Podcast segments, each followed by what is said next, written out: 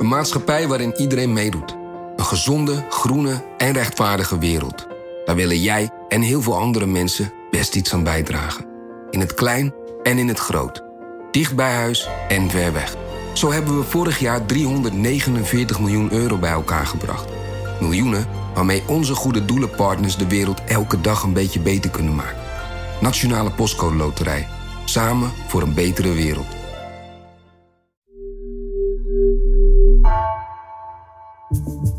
Vanaf de redactie van NRC het verhaal van vandaag. Mijn naam is Floor Boon.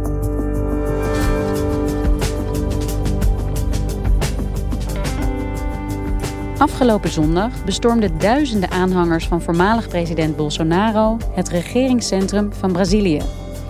Het volgde op maandenlange onrust na de onstuimige verkiezingen van oktober, die Brazilië diep verdeeld hebben.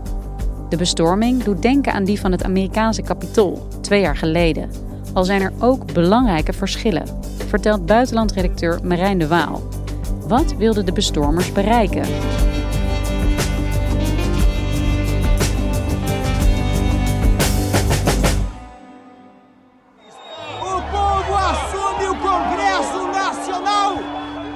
Thousands of supporters of ousted former President Bolsonaro storming the presidential and congressional buildings, demanding he be restored to power. Wereldleiders noemen de bestorming van overheidsgebouwen in Brazilië een aanval op de democratie. Some protesters ransacking offices, others appearing to steal equipment.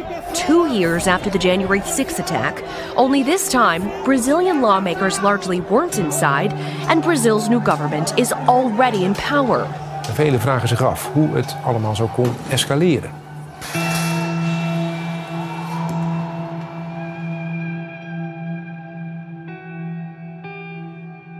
Zondag 8 januari in Brasilia, de hoofdstad van Brazilië, zagen we een enorme puinhoop bij het machtscentrum van het land. Dat is het plein van de drie machten. Dat uh, is een, uh, eigenlijk een soort veld en daaraan zetelen het congres, dus de volksvertegenwoordiging, het Hoge Rechtshof, dus de hoogste rechtsprekende macht, en het presidentiële Planalto-paleis, waar uh, de uitvoerende macht zetelt. Er meldde zich een grote menigte van duizenden mensen in groen-geel gehuld, uh, de kleuren van de nationale vlag. Ze waren allemaal fan of aanhanger van de vorige president, Jair Bolsonaro, die precies een week geleden geen president meer is. En zij riepen leuzen dat hun leider, oud-president Bolsonaro, eigenlijk de enige echte president was. Dat de zittende nieuwe president weg zou moeten. Dus ze keerden zich ja, tegen de macht.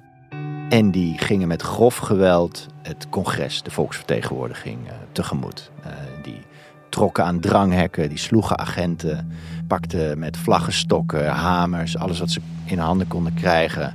Sloegen ze op de deuren in, de ramen in en uh, ja, Vervolgens verspreidde een deel van de menigte zich ook nog eens naar de andere gebouwen die aan het plein grenzen. Uh, ook daar werd huis gehouden, ook daar werd kunst van de muren getrokken, werden, werd er geurineerd op het bureau van de hoge rechter. Uh, er werd uh, geposeerd, eindeloos veel selfies gemaakt.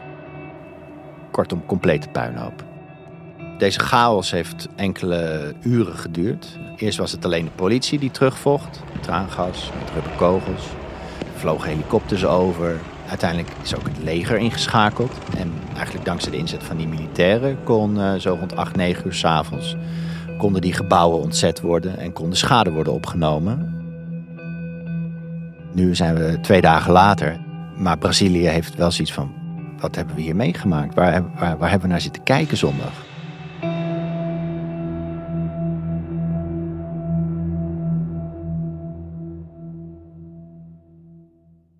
Ja, Marijn, je beschrijft hier uh, die beelden die zondagavond echt het internet overgingen, waar ik ook met grote verbazing naar heb gekeken. Van duizenden aanhangers van uh, de vorige president Bolsonaro, die al die overheidsgebouwen in Brazilië bestormden. Wat hebben we nou zien gebeuren? Ja, het was eigenlijk de, het voorlopige sluitstuk van een hele lange polariserende verkiezingsstrijd. Die begon vorig jaar.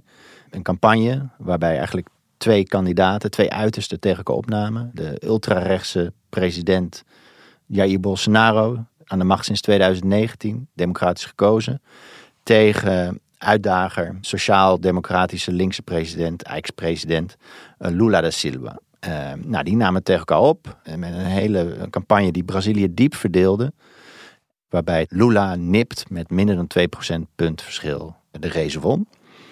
Maar Bolsonaro had eigenlijk al vooraf gezegd: als ik verlies, is dat omdat er gesjoemeld is. Uh, omdat er fraude is gepleegd door, door het andere kamp. Dus hij accepteerde die uitslag niet. En zijn, uh, zijn aanhang, ja, die geloofde die leugen over verkiezingsfraude. En die, die legde zich, net als de, de president, nooit neer bij die, bij die uitslag. En wat ze eigenlijk gingen doen, is ze vestigden al hun hoop dan maar op het leger. Want uh, de rechters zijn niet vertrouwen, de media niet. Uh, maar het leger, die zou misschien wel redden. Dus als zij maar lang genoeg bleven betogen dat het leger zou moeten ingrijpen tegen deze uh, ondemocratische machtsgreep van Lula, dan zou het leger hun wel gaan steunen en Bolsonaro alsnog aan de macht helpen.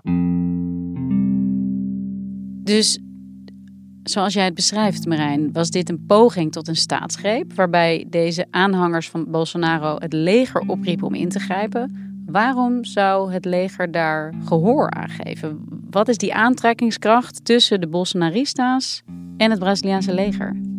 Ja, kijk, het is eigenlijk Bolsonaro die al zijn hele presidentschap ook geflirt heeft met, uh, met de tijd van de militaire dictatuur tussen 64 en 85 vorige eeuw.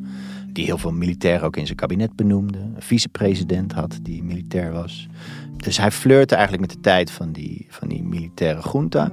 En uh, zei, toen was alles beter. Toen was er wel orde in, uh, in Brazilië.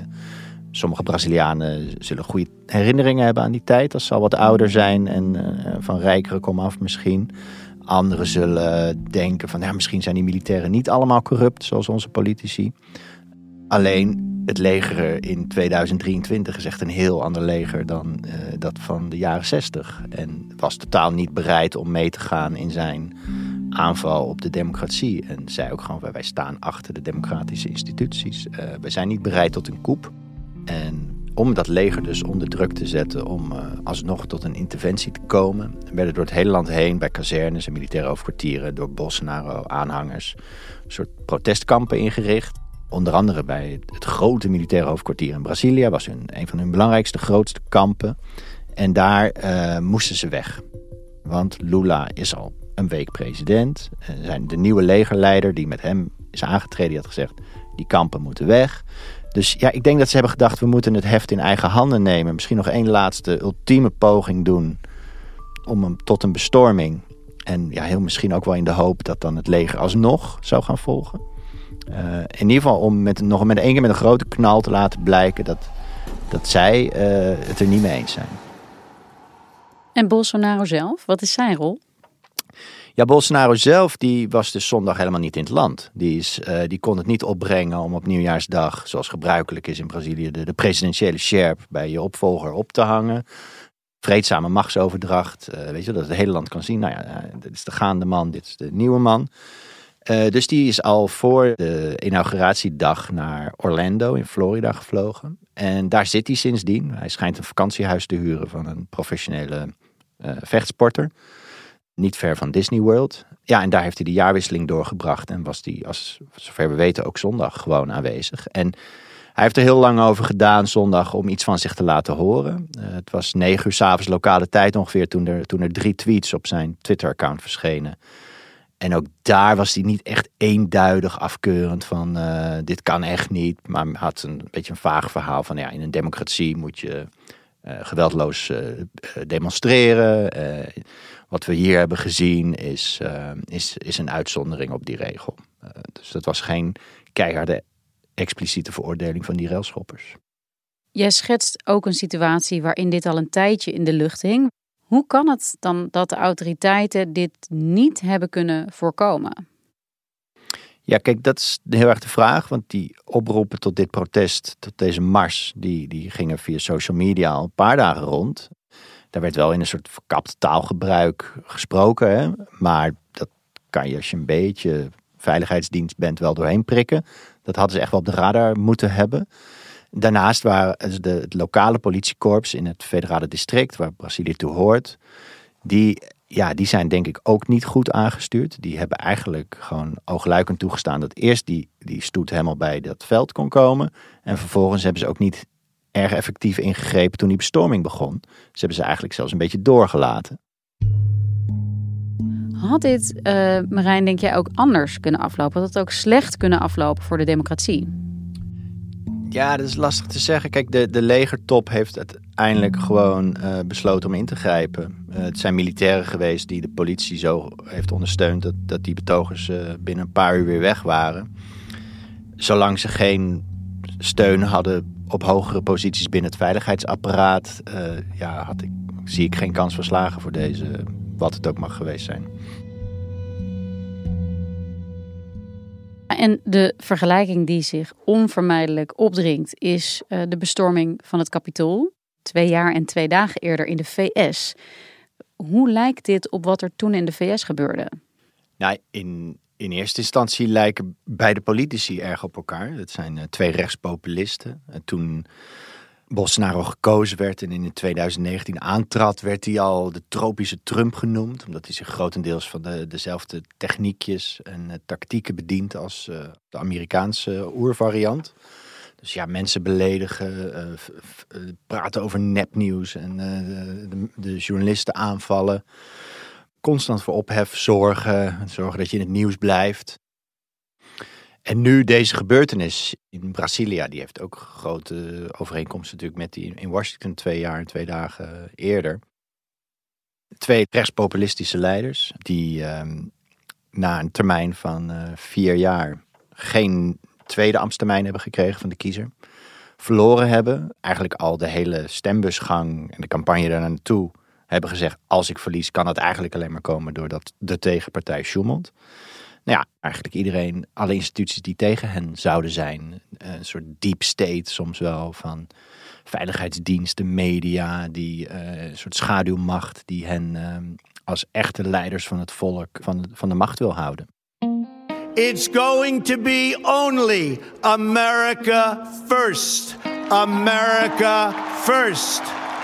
Brasil acima de tudo. Called fake news. And we solve a lot of problems. Fake news faz parte da nossa vida. If you count the legal votes, I easily win. Para que não fique nenhuma dúvida em relação ao nosso sistema eleitoral. Er is ook wel één heel belangrijk verschil en dat zit hem vooral in de timing. Uh, kijk, waar Trump zijn aanhangers dus twee weken voor de inauguratie van Biden op het moment dat het congres nog een laatste klap moest geven, eigenlijk op die verkiezingsuitslag. Uh, zelf in Washington daar uh, die opzwepende toespraak hield en zei van we marcheren nu naar het Capitool. We're gonna walk down anyone you want, but I think right here we're gonna walk down to the Capitol. And we're gonna cheer on our brave senators and uh, nou ja, dat deden die aanhangers, aanhangers, ook. En die troffen toen ook echt een vol kapitool. De, de senatoren en de afgevaardigden moesten er allemaal zijn. De vicepresident van Trump was er ook. In Brazilië, zondag, was het al een week na de inauguratie van Lula. Dus dat was tamelijk laat om nog te proberen een presidentschap van Lula te verhinderen. En ze kwamen dus ook aan in een leeg congres. Er was niemand uh, op zondag. En ook het presidentieel paleis was leeg. Lula was ergens anders. Het hof zit ook niet op zondag uh, daar. Dus ja, in die zin was het een beetje mosterd naar de maaltijd uh, van de Bolsonaristas die, uh, die dit ondernamen. Ja, Brazilië is een relatief jonge democratie. Hè? Dus vanaf 1985 pas echt geen militairen meer aan de macht. Wat zegt dit over de weerbaarheid van die Braziliaanse democratie op dit moment?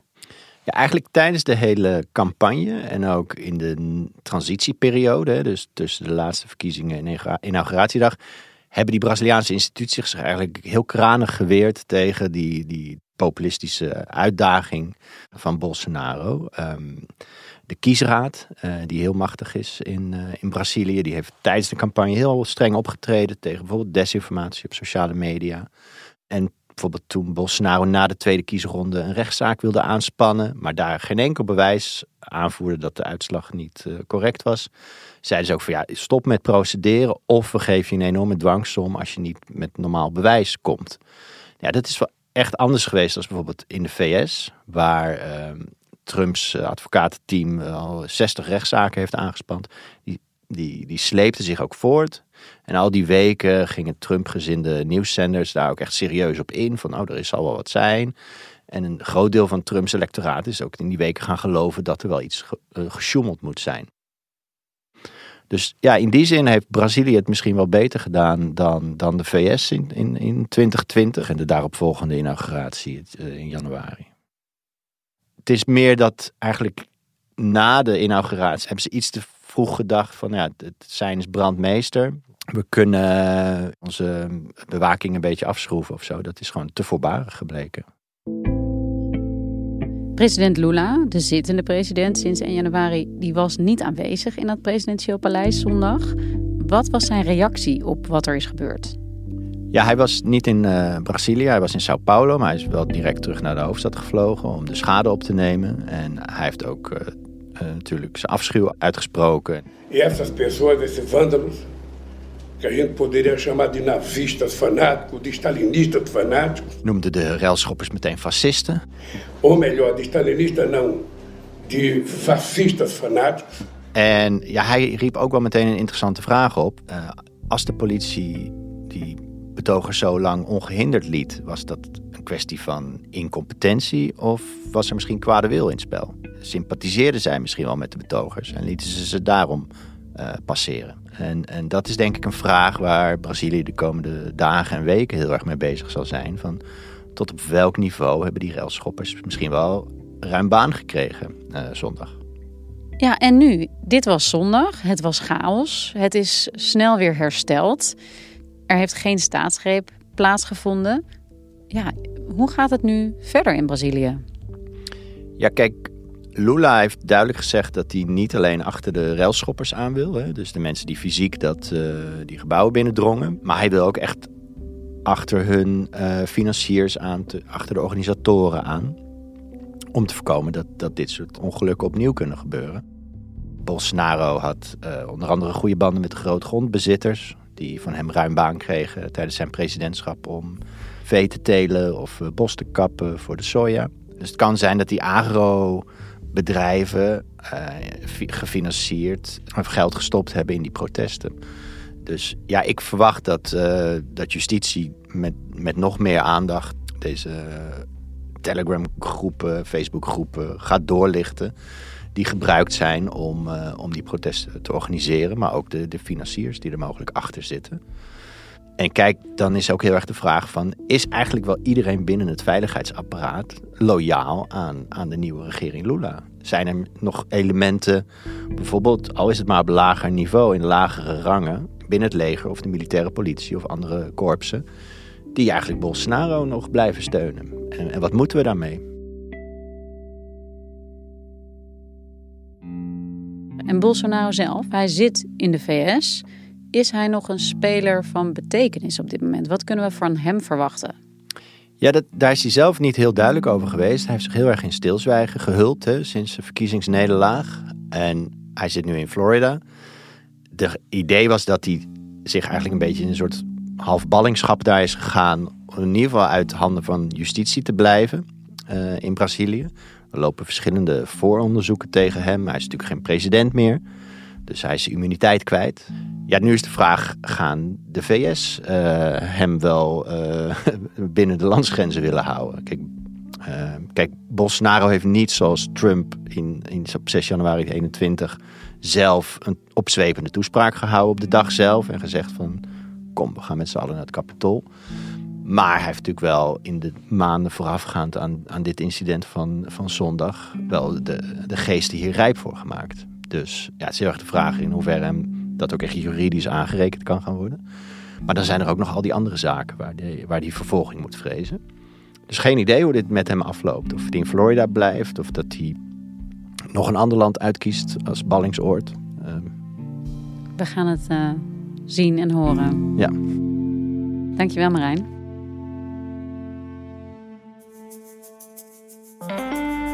Je luisterde naar vandaag, een podcast van NRC. Eén verhaal, elke dag. Deze aflevering werd gemaakt door Mila Marie Bleeksma, Igna Schoot en Jeppe van Kesteren.